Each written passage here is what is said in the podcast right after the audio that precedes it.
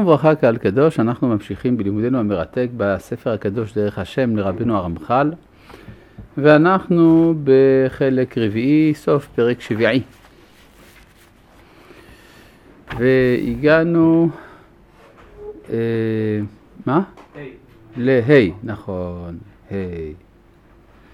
כן, ה', אנחנו מדברים כן על קדושת הזמנים, שמלבד קדושת השבת, שהיא בעצם מהווה, לפי רמח"ל, התרמה בט' של אה, קדושת היום השביעי של הבריאה, דהיינו האלף השביעי, יותר נכון, של הבריאה. אה, יש עוד ימים במהלך השנה שגם הם באים להוסיף קידוש על קידוש, כן? ככה הוא אמר, והם ימים טובים, ראש חודש, חול, המועד, ראש חודש, חנוכה ופורים. נכון? דיברנו. כיוון שמדובר במדרגות שונות של הקדושה, גם איסורי המלאכה הולכים ופוחתים. אה,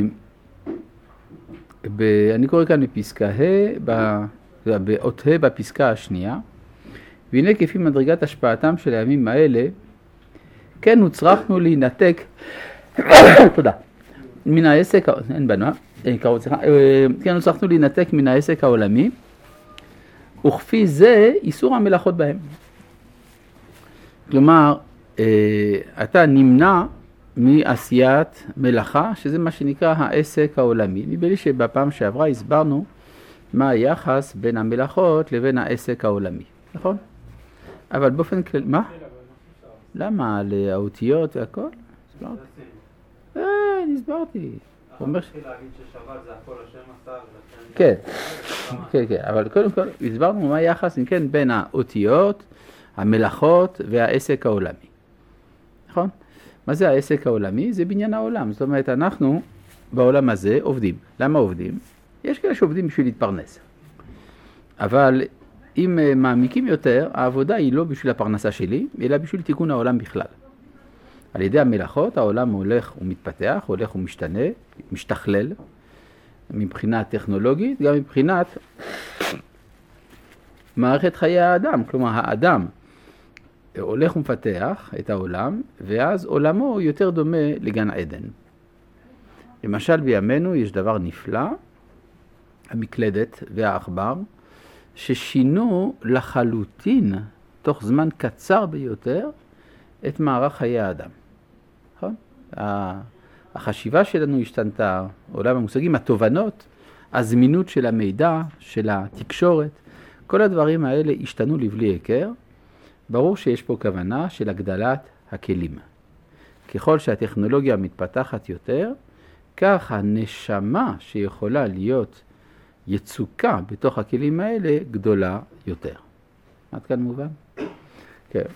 לכן אה, אי אפשר לקבל את הרעיונות הרומנטיים על שיבה אל החברה החקלאית הקדומה, הפשוטה, אה, שבה האדם חי חיי פשטות ודבקות טבעית באלוהים.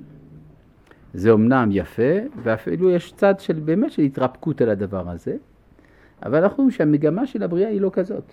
המגמה של הבריאה בכללה, מיליארדי בני אדם, שהקדוש ברוך הוא ברא אותם, עד כמה שאני זוכר, הם עוסקים גם בטכנולוגיות חדשות. שמא תאמר, אה, הטכנולוגיות האלה הן רעות, כי הן מביאות איתן הרבה רוע. האם טענה זו היא טענה? זאת היא אכן טענה בודהיסטית מובהקת, שאומרת שטוב לו לאדם למות מאשר לחיות. כי אה, בעצם הטענה היא, של המיסטיקה המזרחית, שיותר טוב לשבת מאשר לעמוד, יותר טוב לשכב מאשר לשבת, יותר טוב לישון מאשר להיות ער, ויותר טוב מכל זה למות. כלומר, ההיעדר של הכאב, גם של הכאב של ההתמודדות עם היצר הרע, כן? אז יש איזה מין תפיסה פסימית שאומרת שעדיף על מנת למנוע את הכאב הזה, את האכזבה שהעולם נותן, אה, לצמצם כמה שיותר את מרחב החיים עד כדי אפסיות. כן? זאת תהיה עמדה מצויה בפסימיות המזרחית במיוחד, גם קצת במידה מסוימת בנצרות. היהדות לעומת זה היא אופטימית, אומרת טוב השם לכל ורחמיו על כל מעשיו, לכל יש משמעות, הכל ראוי להתעלות. ככל שהמטענים השליליים גדולים יותר, זה סימן שהמטענים החיוביים שיכולים להיות לעומתם עוד יותר גדולים, כי מידה טובה מרובה ממידת פורענות. לכן אין לפסול לעדות את מחזיקי הסמארטפון, אלא יש לבנות את הסמארטפון באופן שירומם את האדם. כלומר, הקדוש ברוך הוא מביא לאדם אתגרים, האתגרים האלה מזמינים את האדם למלא אותם בקדושה, בחיוב, במוסר, בעושר וכדומה. עד כאן אני חושב דברים ברורים. היה גוי אחד בשם אפלטון, שהלך בכיוון הפסימי שתיארנו מקודם, הוא אמר שראשית ההידרדרות של האנושות זה ברגע שהמציאו את הכתב. הכתב, הוא אומר, זאת המצאה נוראה שגורמת לאדם שכחה, אה, לקבע את מחשבתו בסימנים במקום לחשוב באופן עצמאי. אה, ודאי, תמיד יש בזה אמת, אבל מה, מה היינו עושים אלמלא הכתב? אלמלא המצאת הכתב האנושות הייתה נשארת פרימיטיבית. כן, אנחנו רואים שבסופו של דבר התורה ניתנה בכתב. אמנם יותר טוב תורה שבעל פה, אבל בכל זאת לא נמנעה התורה גם להיכתב. אז אם כך, מזה אנחנו מקבלים סימן, קריאת כיוון כוללת של העלאת כל התכנים שבמציאות ולא פסילתם.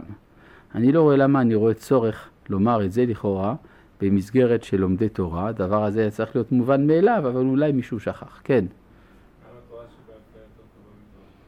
למה תורה שבעל פה זה יותר טוב מתורה שבכתב? יותר טוב ל... הבנתי את השאלה, אני יכול לענות בבקשה? התשובה היא, יותר טוב לדבר מאשר לכתוב. זה, יש אה, זוג שלא מדבר, הם אה, מתקשרים בפתקים. אז הוא אומר, תאירי אותי בשבע, יש לי מטוס. אז, אה, אז היא כותבת לו, השעה שבע, קום. כן. לכתחילה הקדוש ברוך הוא נתן תורה שבעל פה, ונכון, גם היא נכתבה, זה נכון, ברוך אתה ה' אלוהים מלך העולם שהכל ימדור. לא ייתכן שלא אמרת ככה, הרי האמת היא שהקדוש ברוך הוא קודם כל דיבר. אז דיבור זה בעל פה או בכתב? אחרי זה נכתב, כן? אותו דבר משה רבנו, וידבר השם אל משה, לכתוב. לא, לא כתוב, נכון? וידבר השם משה, לאמור, תאמר, אחרי זה תכתוב. ואם לא תכתוב, לא נורא. כן? אז, אה, אז ברור שהבעל פה יותר טוב. עכשיו בואו נחזור לנושא שלנו. אז אם כן, כשאנחנו במהלך השבוע עובדים, אנחנו מתקנים את העולם. ולכן עולה השאלה למה צריך לשבות. כן? יש פה איזה משהו לא נורמלי. כן? באמת זאת הייתה הטענה בעולם הרומאי, ההלניסטי, טענו נגד היהודים שהיהודים הם עצלנים, כיוון שבימי החגים שלהם הם שובתים ממלאכה. עד כדי כך שפילון האלכסנדרוני היה צריך לתרץ למה אנחנו בכל זאת שובתים, והוא מצא תירוץ שהוא, אמנם לפי התקופה ההיא, שווה, שווה משהו, אבל בעינינו הוא קצת עלוב. הוא אמר, אה, שובתים כדי שיהיה כוח לעבוד. כלומר, המטרה של השבת זה קצת מנוחה לקראת העבודה. זאת אומרת שהשבת משמשת את החול. בעוד שאצלנו החול משמש את השבת, אבל צריך להבין למה. אז אפשר להבין כי השבת זה תיאור של המצב העתידי של העולם, כן? מה שהסביר לנו הרמח"ל בהרחבה, כיוון שעתיד העולם להיות במצב שיתקיימו דברי השיר למה לא כל יום שבת ואכן יהיה כל יום שבת, אז בינתיים אנחנו מתכוננים פעם בשבעה ימים, אנחנו קצת יוצאים מן הנורמליות. אני הוספתי על זה עוד נקודה, והיא שקדושת השבת נוסדה על העובדה שהשם שובת. והעובדה שהשם שובת היא עובדה שנוגעת רק לו. כלומר, כדי לברוא את העולם, משבית הקדוש ברוך הוא את נוכחותו, והשבתת הנוכחות הזאת יוצרת את המציאות. מי עזר לו לקדוש ברוך הוא לעשות את הפעולה הזאת? אף אחד. כיוון שאף אחד לא עזר לקדוש ברוך הוא לברוא את העולם, לברוא את המציאות, אז לכן, כדי לקלוט את קדושת השבת, אני צריך לחדול מלהיות אדם. זה מה שאומר כאן הרמח"ל, להעתק מה... איך הוא קרא לזה? לנתק מן העסק העולמי. וכפי זה איסור המלאכות בהם. מה שאין כן ימים טובים, התחלנו להסביר את זה נדמה לי בשבוע שעבר, שבימים הטובים אנחנו מדברים על קדושה שיצירתה נעשתה בשיתוף פעולה. הרי כל הימים הטובים, התורה אומרת, זכר ליציאת מצרים, נכון? ויציאת מצרים, איך היא נעשתה? היא נעשתה 90% על ידי הקדוש ברוך הוא, אבל 10%, אני לא בטוח שזה בדיוק, אני חושב שאמרתי 95% על ידי הקדוש ברוך הוא, אבל 5% על ידי רגליהם של ישראל. כלומר, אם הקדוש ברוך הוא היה משכנע את פרעה בחצות לילה, זהו, צאו מתוך עמי. תלכו, עבדו את השם כאשר, כדברכם.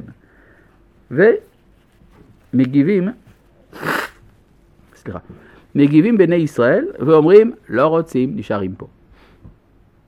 אז לא היה פסח, לא היה שבועות, לא היה ראש השנה, לא יום הכיפורים, לא סוכות, שום דבר. זאת אומרת שהימים הטובים באים לממש איזושהי קדושה שבה הקדוש ברוך הוא היה שותף, שבה, שבה האדם היה שותף בקדוש, עם הקדוש ברוך הוא.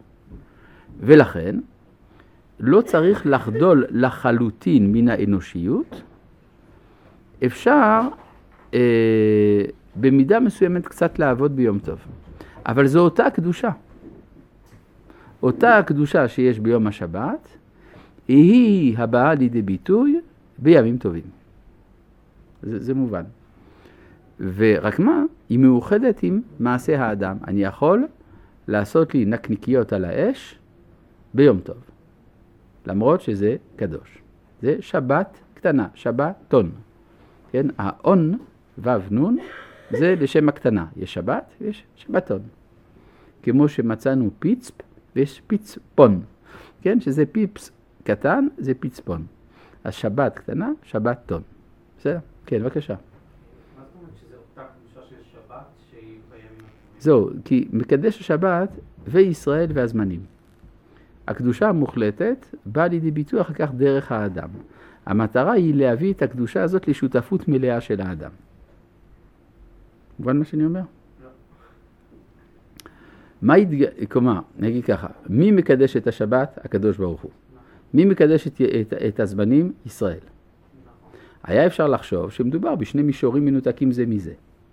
הקדושה האלוהית היא שייכת לעולם הדת, נאמר, והקדושה הישראלית שייכת לאומה, לאומיות, פוליטיקה. וזאת הייתה הסברה של הצדוקים, כך מסביר הרב קוק במשפט כהן, שהצדוקים לא ראו קשר בין קדושת ימים טובים ליום השבת. כי הם היו אנשים שלא ראו קדושה במעשיהם של ישראל.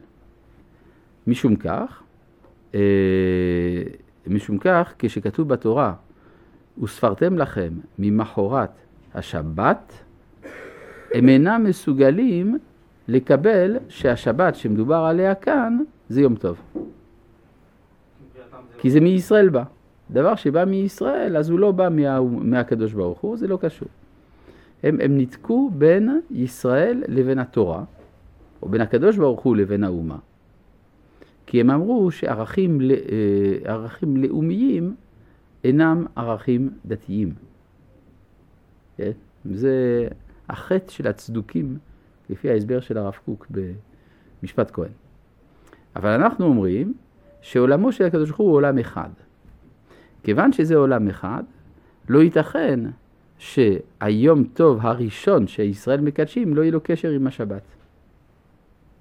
סימן לדבר, מה הייתה המצווה הראשונה שנצטוו בה ישראל בשבת?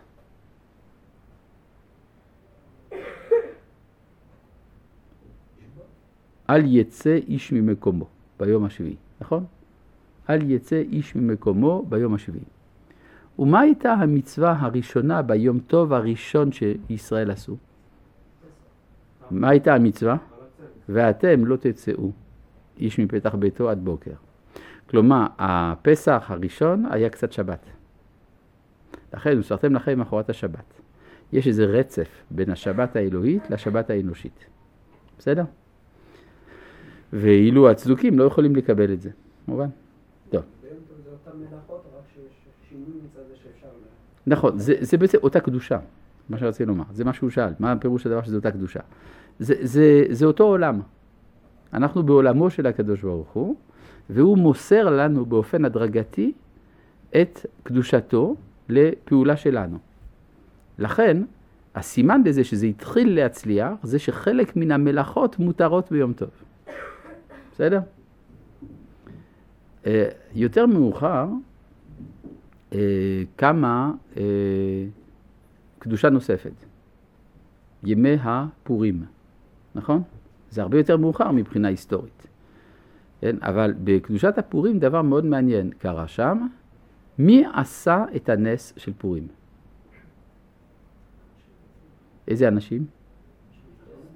מרדכי ואסתר, נכון? מרדכי ואסתר והעם שנלחם אחר כך. אה, מה חלקו של הקדוש ברוך הוא בזה? נסתר. אז אם נהיה פרופורציונליים, נאמר חמישה אחוז הקדוש ברוך הוא, תשעים וחמישה אחוז בני אדם. איזה מלאכות אסורות בפורים? כולן מותרות חוץ. נטיעת עצים ובניית בתים. זה גם לא ממש אסור, אבל כתוב בפוסקים שלא רואה סימן ברכה. נהגו לא לנטוע עצים בפורים. ולא לבנות בתים, אבל כל השאר מותר. למה לא לבנות בתים ולא לנטוע עצים? דווקא אלה. למה לא אמרו כביסה? כביסה מותרת בפורים, אבל בניית בתים לא. פשוט איפה זה התרחש? במקום הלא נכון. המקום הנכון זה ארץ ישראל. מה צריך לעשות בארץ ישראל? לבנות בתים ולנטוע. נכון? ובנו בתים ונטעו כרמים ואכלו את פריהם. זה מה שהנביאים מבטיחים לנו. לבנות בית ולנטוע עץ. לכן, כיוון שזה נעשה בגלות, זה אפילו לא מנומס. בפורים, לבנות בית ולנטוע עצים זה כמו לעג לרש. יותר מאוחר, אבל הקדושה, אתם רואים כבר, הגיעה כמעט לעצמאות מלאה. יותר מאוחר, מה? זה לעג לארץ ישראל, מסכנה. כן, זה מה שכתוב, למה עשו ערים המוקפים? מפני כבודה של ארץ ישראל שהייתה חרבה. כן? יותר מאוחר, נוספה קדושה אה, נוספת, והיא קדושת חג החנוכה. מי עשה את הנס? החשמונאים, נכון? אבל היה בכל זאת איזה ניסון קטן שם, נכון? פח השמן, נכון? מי עשה את זה? קדוש ברוך הוא. אבל זה באמת לכאורה מינורי מאוד ביחס לגודל המאורע. המאורע הוא שחזרה מלכות לישראל על ידי בני חשמונאי, הכהנים הגדולים שהרגו את היוונים. אז אם ככה, יש איזה, אה, אפשר לומר, אה, בכל זאת איזה נוכחות. אז לכן, בזמן שהנרות דולקים, שזה זכר לנס פח השמן, נהגו לא לעשות מלאכה. מי לא עושה מלאכה? נשים. למה? כי הן לא, לא נלחמות. מי שעושה את המלחמה, אז הוא עושה מלאכה גם בזמן הדלקת הנרות, כי עיקר הנס בשבילו זה נס המלחמה, זה הגברים. נשים, הם עשו גם כן צד מסוים, אבל הוא לא צד המלחמה. ולכן דווקא אצל נשים מורגש יותר חוסר האונים אפשר לומר של האדם, ולכן בזמן שהנרות דולקים באותה חצי, חצי שעה הן לא עושות מלאכה. מובן? Uh, במהלך ההיסטוריה, אחר כך היה עוד פעם, יום העצמאות. מי עשה את הנס? עם ישראל. איזה נס נגד הטבע היה שם? לא היה, נכון? נס לא קרה לנו, פח שמן לא מצאנו. זאת אומרת, הכל נעשה על ידי, מאה אחוז על ידי האדם. וגם נעשה מאה אחוז על ידי הקדוש ברוך הוא. זאת אומרת, הקדושה הגיעה לעצמאות מלאה. ולכן, איזה מלאכות אסורות ביום העצמאות? אין, אין מלאכה אסורה. כל המלאכות מותרות, דווקא בגלל שקדושת השבת התאחדה לגמרי עם מעשה האדם. אז מה הניסיון של יום העצמאות? רק דבר אחד, להכיר שזה השם שעשה את זה. ולכן הנושא של ההלל ביום העצמאות כל כך מרכזי. כי זה בעצם, אמירת ההלל באה להוכיח שהאקט של הבריאה הצליח. ברור? כי במקום שבו יש נס גלוי, נעשה שינוי בטבע, אז אתה אומר, האדם לא מסוגל לבד. הוא צריך שהקדוש ברוך הוא יוסיף לו איזשהו ניצוץ, איזשהו רמז. אבל כאן לא שאלו את הקדוש ברוך הוא. עשו את זה אפילו בחוצפה, לא רצו לשים שם שמיים במגילה, מגילת העצמאות. אז שמה הקדושה הגיעה להצלחה מוחלטת, זה יום העצמיות שלנו. עד כאן ברור. בסדר. כן? כי זה אותו הדבר. הרי זה מה שכתוב, והיה ביום ההוא ייתקע בשופר גדול. בתפילה אתה אומר, תקע, שהקדוש ברוך הוא יתקע. אבל בנביא כתוב, ביום ההוא ייתקע. אומר רבי צדוק מלובלין, שכיוון שקודשא בריחו וישראל חד הוא, לא ידעו מי תקע. אלה יגידו, ישראל תקעו, אלה יגידו, השם תקע, אותו דבר.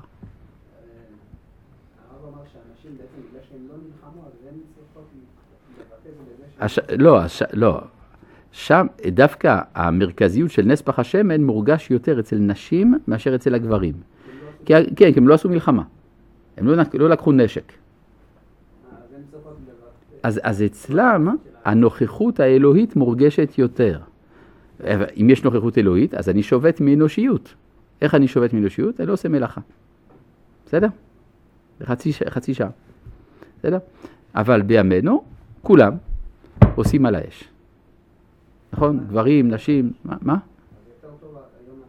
יום העצמאות יותר גדול, כן, ודאי. כן. זה בעצם אותה קדושה, זה קדושת השבת, שהגיעה אל החולין המוחלט. בסדר? ולכן, מי, ש, אה, מי שנגיד אה, חושש מיום העצמאות, חושש מלהכיר שיש קדושה, כי הוא חושב שיש שם ניתוק. כי הוא לא מבין שבעקבות משיחה, חוצפה יזגה. מה זה חוצפה? החוצפה מצליחה. הגמרא אומרת, מה זה חוצפה? מלכותא בלה תגה. מלכות ללא כתר. כלומר, זו התעוררות של הנברא מכוח עצמו. הוא מולך בלי שימליכו אותו. זה לכאורה חוצפה אדירה, מה, הקדוש ברוך הוא המלך. כן, אבל הוא מולך בקרבי, אז אני לא צריך לעשות פעולה דתית כדי להוכיח שהשם מלך. אלא להפך, דרך חילונות זה בא לידי ביטוי, בסדר? מה? כן, ודאי שזה שלילי. אבל השאלה היא מה כוונת הקדוש ברוך הוא בזה. יעיין נא כבודו בשמונה קבצים של הרב קוק, קובץ ח', פסקה קנ"ז, ששם הרב מסביר שמשה רבנו היה לו קשה עם החוצפה. כן? מתי היה לו קשה? בני ישראל ביקשו בשר, נכון? משה אומר, אם זה ככה, אני רוצה למות. איך כתוב, נכון? בפרשת בעלותך. משה אומר, בשר? אני רוצה למות. לכאורה, מה כבר קרה? זאת אומרת, אם זה עבודה זרה, אני מבין, שפיכות דמים, גילוי עריות, אבל כאן בסך הכל הם רצו סטייק, נכון? משה אומר, אני רוצה למות. אומר הרב קוק, משה רצה למות כי זה היה חוצפה, והמקצוע של משה זה ללמד תורה. אז, ותורה צריכה בושת פנים. אם אין בושת פנים, אין תורה. משה אומר, אין לי מה לחפש פה, אני רוצה למות. לעומת זה, נגד עבודה זרה, משה יודע איך מתפקדים. עכשיו, לעומת זה אומר הרב קוק, המשיח, חוצפתם של ישראל לא רק שלא מפריע לו, אלא היא מרחצתו. כי הרי המשיח בא ממואב, נכון? כן או לא? מואב, כן, מואב. ומה זה מואב? היא פרסמה, הבת של לוט פרסמה, מאב, לא מתביישת. ומזה בא המשיח, שמגלה את הקדושה הגנוזה בחוצפתם של ישראל, ולא עוד, אלא שהחוצפה הזאת מרחצתו, שנאמר, מואב סיר רחצי. בסדר? אז זה באמת, אה, צריך בשביל זה עצבים חזקים, ולא כולם יש להם את זה. יש הרבה דתיים שיגידו, אם זה, אם זה הגאולה, אני לא רוצה. אבל הקדוש ברוך הוא רוצה דווקא דרך החוצפה, ויש לו מטרה בזה, כי הוא רוצה לגלות את, את, ה, את הייחוד האלוהי בכל, אז זה צריך לבוא מלמטה. מובן? כן, זה עושה אותו מבריק, עוד יותר טוב. כן. אה, זה אגב מפורש בספר נפלא בשם פרק שירה, כולם קוראים את זה ככה בדבקות, אומרים יש בזה סגולה, תקרא, פרק שירה, כל יום, כל מיני דברים כאלה. רק לא שמים לב מה כתוב שם. מה כתוב שם בפרק שירה? השירה של כל נברא, נכון? כן או לא? היו, טעיתי? לא מכיר את פרק שירה? מכיר, לא קורא. כן, אז בפרק שירה יש שם רשימה של השירים שמשמיעים כל הנבראים. למשל, השור שמה אומר, השיר על השם, כי גאור גאה. כן? או למשל, אה, הסוסים, הנה, כן, עבדים אל יד אדוניהם, וכולי, כן? וכולי.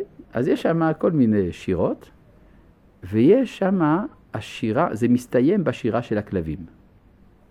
עכשיו, הכלבים, אצל חז"ל זה הבעל חיים החצוף, נכון? כי הרי הם חצופים, הכלבים. למה הם חצופים? אני נזר הבריאה, הולך ברחוב, פתאום איזה כלב נובח עליי. איזה חוצפה, מה הוא בכלל? אני נזר הבריאה והוא כלב, כן? אז זה, הוא חצוף. אז שואל המדרש, פרק שירה, שואל, מה השירה של הכלבים?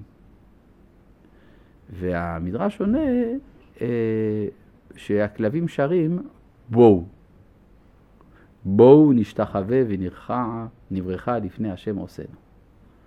זאת אומרת שבתוך הנביחה של הכלב, החוצפנית, מסתתרת כוונה של קבלת יראת שמיים, עול מלכות שמיים שלמה. נשתחווה ונכרע. אבל לא מתוך קטנות של, אה, אה, של דת, דתיות מקטינת חיים, אלא מתוך עוצמת החיים האלוהית שבתוך האדם. בסדר? וזה הסוד של יום העצמאות. עכשיו זה יותר מובן? כן. אגב, זאת הסיבה שהמנהג המרכזי של יום העצמאות הוא לא ההלל, אלא הבשר. נכון? עושים על האש. וזה אף אחד לא תיקן, כלומר זה לא תקנה לא של הרבנות הראשית ולא של מארגני החגיגות ולא כלום, נכון? כי מה זה הבשר הזה? זה השלמה של מה שמשה לא יכול היה לעשות. משה נשבר כשהוא ראה שדורשים ממנו בשר, ועם ישראל אומר, אבל זה מה שהביא את הגאולה, החוצפה הזאת. לכן אוכלים בשר ביום העצמאות, בסדר? להשלים מה שחסר אצל משה. עכשיו, תמיד כשאני אומר דברים כאלה, יש חיוכים בקהל, וזה מאוד מעניין. למה? כי זה אומר שמה, זה באמת נכון מה שאנחנו מאמינים בו? כן, זו שאלה גדולה. טוב. Uh, עכשיו, יש נקודה נוספת שצריך להסביר, זה ראש חודש. נכון? ראש חודש, מה הקדושה של ראש חודש? בראש חודש אסור במלאכה או מותר במלאכה? אז יש מנהג נשים, הוא הזכיר את זה, שלא לעשות מלאכה בראש חודש, נכון? יש מנהג, לא כל מלאכה, חלק מן המלאכות נהגו שלא לעשות בראש חודש. גברים עושים מלאכה. עכשיו, בואו נבדוק, מה, למה גברים עושים מלאכה, נשים לא עושות מלאכה. זה קצת מוזר, לחלק את איסור המלאכה בין גברים לנשים. כבר בחנוכה מצאנו משהו, אבל פה זה או שמותר או שאסור. יש... שאלה נוספת, אה, בראש חודש אומרים הלל או לא? לא. משנה מפורשת שלא אומרים הלל בראש חודש. וכתוב בגמרא שכאשר רב הגיע לבבל, זה היה ראש חודש, והוא ראה שהם אומרים הלל. רצה להפסיק אותם, אמר זה טעות. איך אתם אומרים הלל בראש חודש? זה לא יום טוב. הרי זה מותר במלאכה. אם זה מותר במלאכה, אז אין, אין סיבה שתעשו הלל. כיוון שראה שהם מדלגים, אמר מנהג אבותיהם בידיהם. ולכן, בסדר. זאת אומרת, לא אומרים הלל בראש חודש, אבל אומרים משהו שדומה, איזה מין כאילו כזה. כן, חצי הלל. והשאלה, אה, יוצא לפי זה שה... שאנחנו אומרים הלל בראש חודש, זה מנהג בבלי, זה לא ארץ ישראלי. בארץ ישראל בכלל לא היה דבר כזה לומר הלל, אפילו לא חצי הלל, לא רבע הלל בראש חודש. אבל בבבל אמרו הלל בראש חודש. מוזר. צריך להבין את הנקודה הזאת. למה, מה, בעצם, מה המצפים מהאדם בראש חודש לעשות? מה הציפייה? מה פתאום חשבון נפש? איפה כתוב בתורה דבר כזה? בראש חודש, מה? להקריב מוסר זה במקדש. במקדש עושים כל מיני דברים כל הזמן, גם בשבת, גם ביום כיפורים, שוחטים, הכל. זה, זה לא... אל תביא ראייה מהמקדש. מה צריך לעשות בראש חודש? איפה כתוב תשובה? יפה, איך מקדשים את החודש? אה? איך בית הדין יודע שזה ראש חודש? מה שאני צריך לעשות זה ללכת להעיד. העבודה שלי בראש חודש זה לתת עדות בבית דין. אם אני עושה, אם אני שובת ממלאכה, אז אני לא אלך לבית הדין, נכון? יותר מזה, ההלכה אומרת שאפילו בשבת יוצאים על גבי חמור ועם נשק ביד כדי ללכת להעיד בבית הדין, שראיתי את הירח, בשבת. כן? ואני, הכינו לי אוכל בבית, לא, אני עכשיו נוסע בשבת להעיד בבית הדין, ואני אוכל שם, מכינים סעודות מיוחדות לעדים וכו'. זאת אומרת שאם התורה הייתה אוסרת מלאכה בראש חודש, אנשים היו נמנעים מלצאת להעיד. ולכן התורה לא אסרה. אבל נשים לא מעידות. ולכן הם נהגו לשבות ממלאכה. בבליים לא עולים, אז אומרים הלל. מובן? זאת אומרת, אה, יוצא לפי זה שהיה ראוי שנשבות ממלאכה בראש חודש, כפי שמשתמע גם מספר שמואל, נכון? אה, במקום אשר נסתרת ביום המעשה, נכון? אז משהו שראש חודש היה יום של שביתה. מדוע את הולכת אליו היום לא חודש ולא שבת? אז משמע שחודש ושבת זה אותו דבר, שחודש ושבת כרום מקרא לא אוכל לבן ועצרה. זאת אומרת שיש יחס בין איסור המלאכה לבין הפעילות של האדם. עד כאן ברור? כי זה מוגזם. הרי זה שאתה, לא, זה שאתה לא עולה לארץ זה כבר חטא. אתה רוצה עוד לקדש את זה? כן? מספיק שאומרים ברכה על ההלל. זה, זה כבר זה. טוב. עכשיו, אחרי כל הדברים האלה, אנחנו יכולים לגשת שוב אל דברי רמח"ל, כי בלי זה לא היינו מבינים בדברי רמח"ל. והנה, כפי מדרגת השפעתם של הימים האלה, כן הוצרכו להינתק מן העסק העולמי, וכפי זה איסור המלאכות בהם. והיינו, יום הכיפורים למעלה מכולם. כן? יום הכיפורים הוא גם שבת וגם שבתון. אגב, זה דבר מדהים. מי קובע מתי יום הכיפורים? ישראל. ואף על פי כן כל מלאכות שבת אסורות.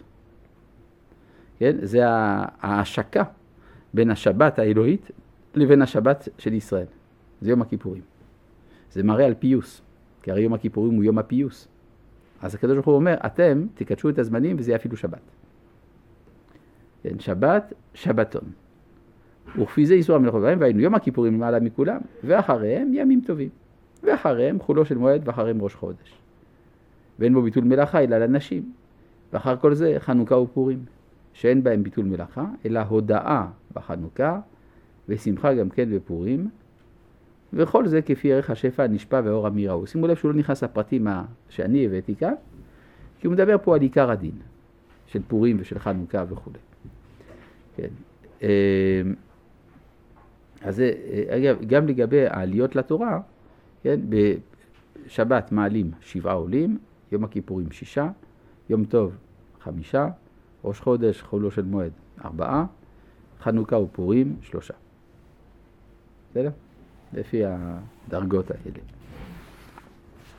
אה,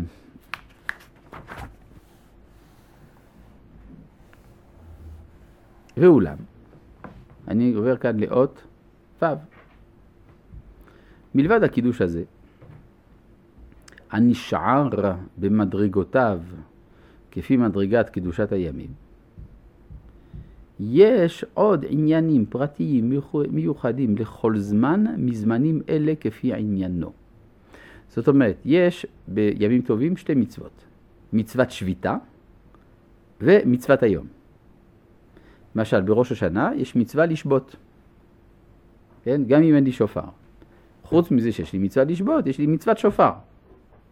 אז יש צד של דרך השלילה, כיצד לקלוט את הקדושה, מה אני צריך לחדול לעשות כדי להיפגש עם הקדושה, ויש הצד החיובי, העשה טוב, מצד, מצד עשה שיש בזה, שזה מצוות היום.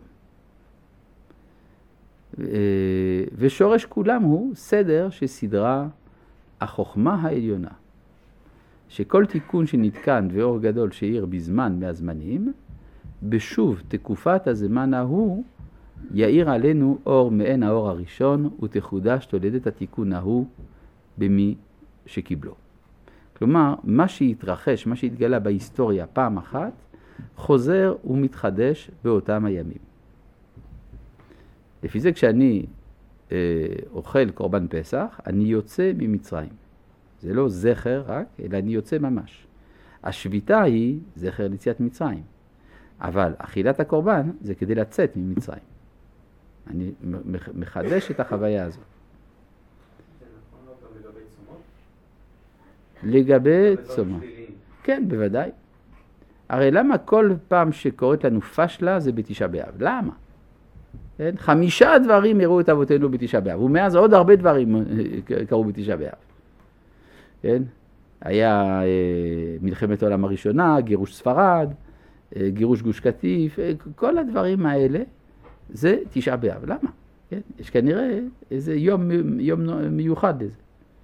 כן? זה יום, זה יום גאולה בעצם.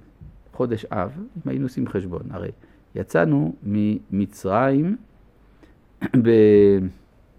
בניסן, נכון? קיבלנו את התורה, מתי? לא, מה פתאום? לא, מה פתאום? ב-17 בתמוז. כן, בא משה, אומר, הנה הבאתי לכם. סוף סוף. מה צריך לעשות למחרת, אם הוא לא שובר כלום? אם הוא לא שובר כלום, 18 בתמוז, מתחילים לנסוע, נכון? לאן? לארץ ישראל. לא צריך לא משכן, לא כלום וזה, מיד נוסעים. אומר הכתוב, 11 יום מחורב, דרך הר שעיר עד קדש ברנע. קדש ברנע, כניסה לארץ, נכון? הרי משם נשלחו המרגלים. אז זה יוצא, מגיעים בכ"ט בתמוז לשערי ארץ ישראל. אז נכנסים לארץ מתי? באלף באב, ראש חודש אב. ראש חודש אב הופך להיות חודש הגאולה. נכון? ו- וחודש ניסן, חודש הגאולה הקטנה. במקום אב, אביב. כן? כמו עץ, עציץ. עץ גדול, עציץ זה קטן. אב, אביב. אז אב הוא חודש הגאולה האמיתי, ואז אה, היינו כובשים, וכנראה מסיימים את הכיבוש בתשעה באב. היינו הופכים, היינו עושים חג שבעת ימים. יום ראשון של חג, תשעה באב, ושביעי של חג, ט"ו באב. כן? כלומר, זה מסביר מדוע היום הזה הוא כל כך חשוב, ט"ו באב, כן? לא היו ימים טובים לישראל כחמישה עשר באב.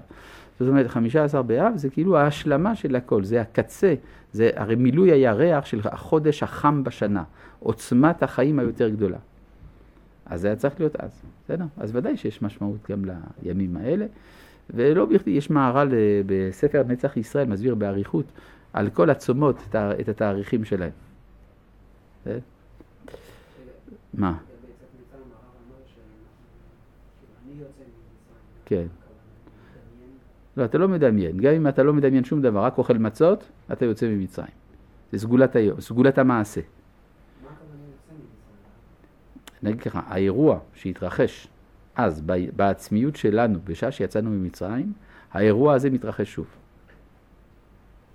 והנשמה שלנו, לפעמים גם חודר עד הנפש. אה, אתה יוצא ממצרים. מצרים זה המקום של השיעבוד, בית עבדים. וכאן אתה יוצא מעבדות לחירות, אתה נהיה בן חורין. בסדר? וזה ביחס כמובן לקליפת מצרים, לכל מה שהיא מייצגת כמובן. הוא יסביר את זה בהמשך, אל תדאג, בשביל זה יש לו עוד פרק. אבל זה מה שזה אומר, שיש מעשים שבאים לציין את קדושת הימים. ועל זה הנה, אומר זה, והנה על פי זה נצטווינו בחג הפסח.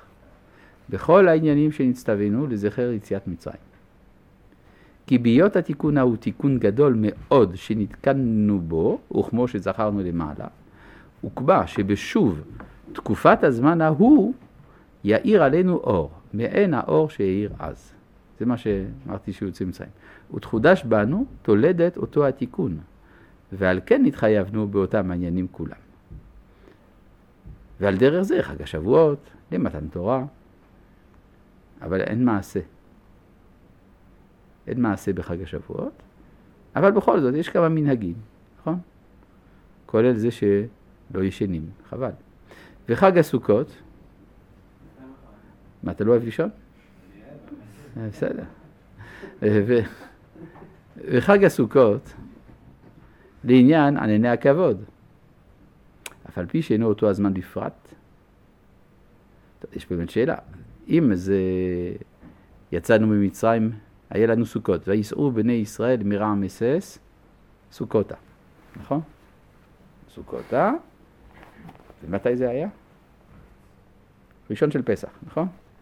וייסעו בני ישראל מרעם אסס סוכותה, זה בעצם היה ביום הראשון של פסח. זכר לזה חג הסוכות. מסקנה, חג הסוכות צריכה להיות, צריך להיות בפסח, נכון? זאת אומרת, צריך לעשות את ליל הסדר בסוכה, וביום ראשון של פסח אה, ליטול ארבעת המינים, נכון? ולעשות שמחת תורה במימונה, ואז אנחנו יכולים לקצר את כל ה... כנראה שגם ראש השנה ויום הכיפורים לא צריך, כי אין חטאים, וחג השבועות יכול לחול בשמיני של פסח, הכל בסדר, אז אפשר שבוע אחד לגמור עם כל החגים. זה היה במצב אידיאלי. אבל קרה מה שקרה מכל מיני סיבות שצריך לברר מהן, חג הסוכות נדחה. נדחה לשישה חודשים מאוחר יותר, זה מאוד מוזר. אחרי יום הכיפורים, פתאום חג זכר ליציאת מצרים תקוע באמצע הסתיו, מה הוא עושה שם? כן? אז הוא אומר, אף על פי שאינו אותו הזמן בפרט, אלא שקבעה התורה חג זה לזיכרון עניין זה, וכמו שכתוב, כי בסוכות הושבתי וכולי. וכן חנוכה וכן פורים, יש מצוות, מעשים מיוחדים המציינים את ההנהגה המיוחדת, הניסים שהתרחשו באותם הימים.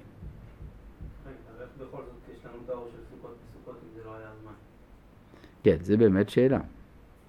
כן, אה, עצם זה שהתורה אומרת, וייסעו בני ישראל מרעמסי סוכותה, אז זה אומר שככה היה ראוי להיות. כלומר, היה ניסיון היסטורי של ההשגחה העליונה לעשות את חג הסוכות בפסח. וזה לא הצליח. זה לא הצליח, אבל אנחנו רואים גם שיציאת מצרים לא הייתה סיום ההיסטוריה.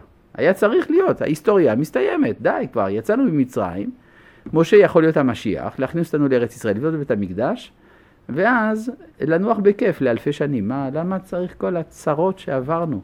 כן?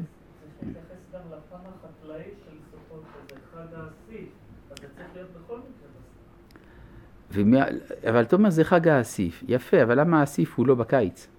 הוא לא, הוא לא באביב. הרי, אתה יודע כמה זמן אני צריך עד שאני זורע, ועד שאני קוצר, ועד שאני אוסף. זה, זה הרבה. למה לא, הרי כתוב, ביום ההוא וניגש חורש בקוצר, ודורך ענבים במושך הזרע, והטיפו הערים עסיס. זאת אומרת, יבוא יום שאתה זורע, באותו יום אתה קוצר. למה כל האריכות הזאת? למה יש סתיו ואביב? גם זה לא בסדר. כלומר, יש משהו שבור במבנה, בהרמוניה הקוסמית. ברור? אז זה, מה שאתה אומר זה נכון, זה, זה הפן החקלאי, רק שהפן החקלאי הזה הוא בעיה. בסדר? אז, אה, אז צריכה להיות איזושהי סיבה היסטורית גם, מלבד הבעיה החקלאית שאתה ציינת, סיבה היסטורית לזה שפסח לא היה סוכות.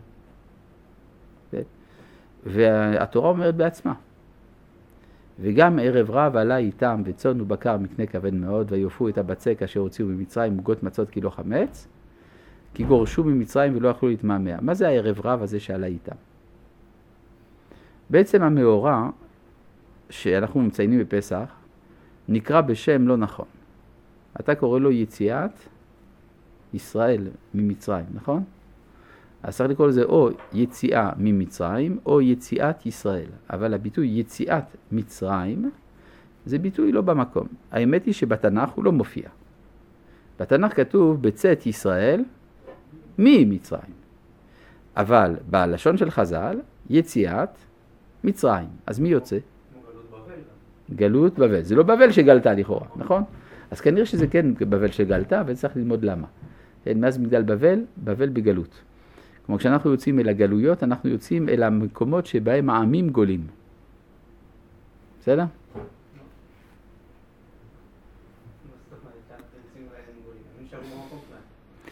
אתה בעצם הולך לפי הציור ההמוני. הציור ההמוני אומר ככה, הגויים יושבים במקומותיהם. אנחנו גולים אליהם. אז זה לא נכון, תסתכל בתורה. במגדל בבל, אנחנו רואים שהגויים גלו. נכון? אז הגויים בגלות. כשאנחנו יוצאים אליהם, אנחנו יוצאים אל גלותם. לכן אנחנו יוצאים לג... הם בגלות, אנחנו צריכים להוציא אותם משם. בסדר? אז לכן אנחנו יוצאים אל גלות בבל. בסדר? זה בבל שגלתה. עכשיו, אותו דבר לגבי יציאת מצרים. מי צריך לצאת? מצרים צריכה לצאת. כל העולם כולו צריך לצאת. מצרים זה ראש העולם. אבל קרה מה שקרה, הם נשארו שם ושלחו רק נציגות. הערב רב. הערב רב זה, זה מה שמציל איכשהו את יציאת מצרים. בלי ערב רב זה היה כישלון מוחלט. הרי זה מה שמשה אומר לקדוש ברוך הוא, כשאומר, הקדוש ברוך הוא אומר לו, אני הולך להשמיד את הערב רב. כן? אם אתה אומר את זה, אני צריך לחזור למצרים להביא אחרים. למה יאמרו מצרים ברעה הוציאם, להרוג אותם בהרים, אתה רוצה שאני אביא אחרים? אז טפל בזה, כן? זאת אומרת, אה, זאת אומרת שהיציאת מצרים לא הייתה הצלחה. ולכן, ההערה של מצרים מתחלקת לשניים, יציאת מצרים של העבר ויציאת מצרים של העתיד. הרי אומר רבי אליעזר בתלמוד, בניסן נגאלו, ובתשרי עתידין להיגאל, נכון? למה אתה מתעקש על רבי יהושע? אתה הולך, אתה חסיד של רבי יהושע. רבי יהושע אומר בניסן נגאלו, בניסן תתגאל. רבי אליעזר לא מסכים. אז מה יש לך נגד רבי אליעזר? רבי אליעזר אומר, בניסן נגאלו, בתשרי עתידין להיגאל. זאת אומרת שבניסן נגאלו ישראל, אבל מה עם האומות? בתשרי. כלומר, האומות יש להם זמן סתווי, זמן יורד, ישראל יש להם זמן אביבי עולה, באיזשהו שלב צריך להתאחד, בסדר? אז זה מסביר קצת את הסיפור הזה, מדוע חג הסוכות הוא לא במקום. וגם, כן, עכשיו גם חג השבועות לא במקום. אנחנו יוצאים ממצרים, מה צריך לעשות מיד אחרי יציאת מצרים? לקבל תורה. אז למה זה לוקח שבעה שבועות? זה לוקח שבעה שבועות כי צריך להיטהר מטומאת מצרים. כמו שלהיטהר מטומאת הזב, צריך שבעה נקיים, אז אומה שלמה צריכה שבעה שבועות, אבל זה לא נורמלי. אבל בסוכות זה לא ככה, מיד אחרי חג הפסח יש חג שמחת תורה, מיד דבוק ביום השמיני. מדוע? כי זה אחרי ראש השנה ויום הכיפורים, שאנחנו מתקנים את הרוע העולמי, אז אפשר מיד לקבל את התורה. בסדר? אז יש uh, הרבה עיכובים, כלומר, לוח השנה שלנו הוא תולדה של הדיסהרמוניה העולמית, גם כן. לא רק של ההערה האלוהית, אלא זאת הערה אלוהית שחלה בתוך כלי שבור, או כלי סדוק, על כל פנים. מובן? טוב. ועל דרך זה, היו כל ימי, אני קורא כאן בתוך אה, הרמח"ל, ועל דרך זה היו כל ימי מגילת תענית. אלא שנתבטלו. מפני שלא היו ישראל יכולים לעמוד בהם, ונפטרו מיות עושים זכר להם להתעוררות האור, האור המאיר, ועתה נבהר המצוות האלה בפני עצמם. כלומר, מגילת תענית לא החזיקה מעמד. טוב, יש סיבה למה היא לא החזיקה מעמד. התרבו הצרות, זה ימים שלא מתענים בהם. אז למה לא לשמור אותם? זה נחמד ימים שלא מתענים. החסידים הרי מתים על זה. כל פעם שאפשר, יא, זה ההילולה של האדמו"ר משפרומפ, ואז, טוב חבר'ה, אז לא צריך להגיד תענית. מספרים שהחסידים פעם, לא צריך להגיד תחנון, מספרים שפעם אחת חיפשו החסידים אה, איזושהי הילולה, לא מצאו, לא מצאו, היום הזה לא מצאנו פטירה של שום צדיק. מה עושים? טוב, יום שבו לא מת שום צדיק, בוודאי שלא צריך להגיד תחנון. כן. אז אה, אז, אז מה עושים באמת? אז למה אה, מגילת תענית לא החזיקה מעמד? פשוט מאוד. הרי איזה ימים מזכירים במגילת תענית? כל מיני דברים שהתרחשו בעקבות ימי בית שני. בית שני חרב. חרבה המדינה שהיא הולידה את הימים האלה. אז ברור שלא שייך להמשיך את מגילת תענית. זה השאלה של הגמרא. הגמרא שואלת, ולמה חנוכה לא בטל? כן? היא עונה מה שהיא עונה שם, יש לזה הרבה השלכות. כן? יפרסם ניסה. כבר עכשיו מתפרסם הנס. ואם מתפרסם הנס אז מה? זה משהו עמוק מאוד. כן, אבל זה אומר, כנראה שלפי הגמרא, הנס של פח השמן, שזה בעצם הנקודה שחזרה להיות משמעותית, מגלה שיש השלכות לחג החנוכה גם מעבר לממד ההיסטורי שלו. וזה, אני מסביר בהרחבה, ב... יש ספר נקרא בעוד מועד, על המועדים. ספר שלי, שם יש מאמר על חנוכה, אז לקראת הסוף של המאמר שם אני מתייחס לשאלה הזאת. אז למה סתם לחזור על דברים שכתובים שם במפורש? בסדר. טוב, ועתה נבהר המצוות האלה בפני עצמן. עכשיו, מה שהוא אומר כאן, כן שיש מעשים שנובעים מהקדושה של הימים, והשאלה היא, בסדר, לגבי המעשים של אה, פסח, של שבועות וכולי, זה כתוב בתורה.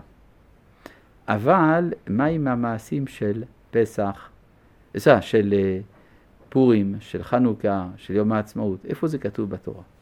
נכון? זו שאלה גדולה. בזה נעסוק בעזרת השם יתברך בפעם הבאה, שלום.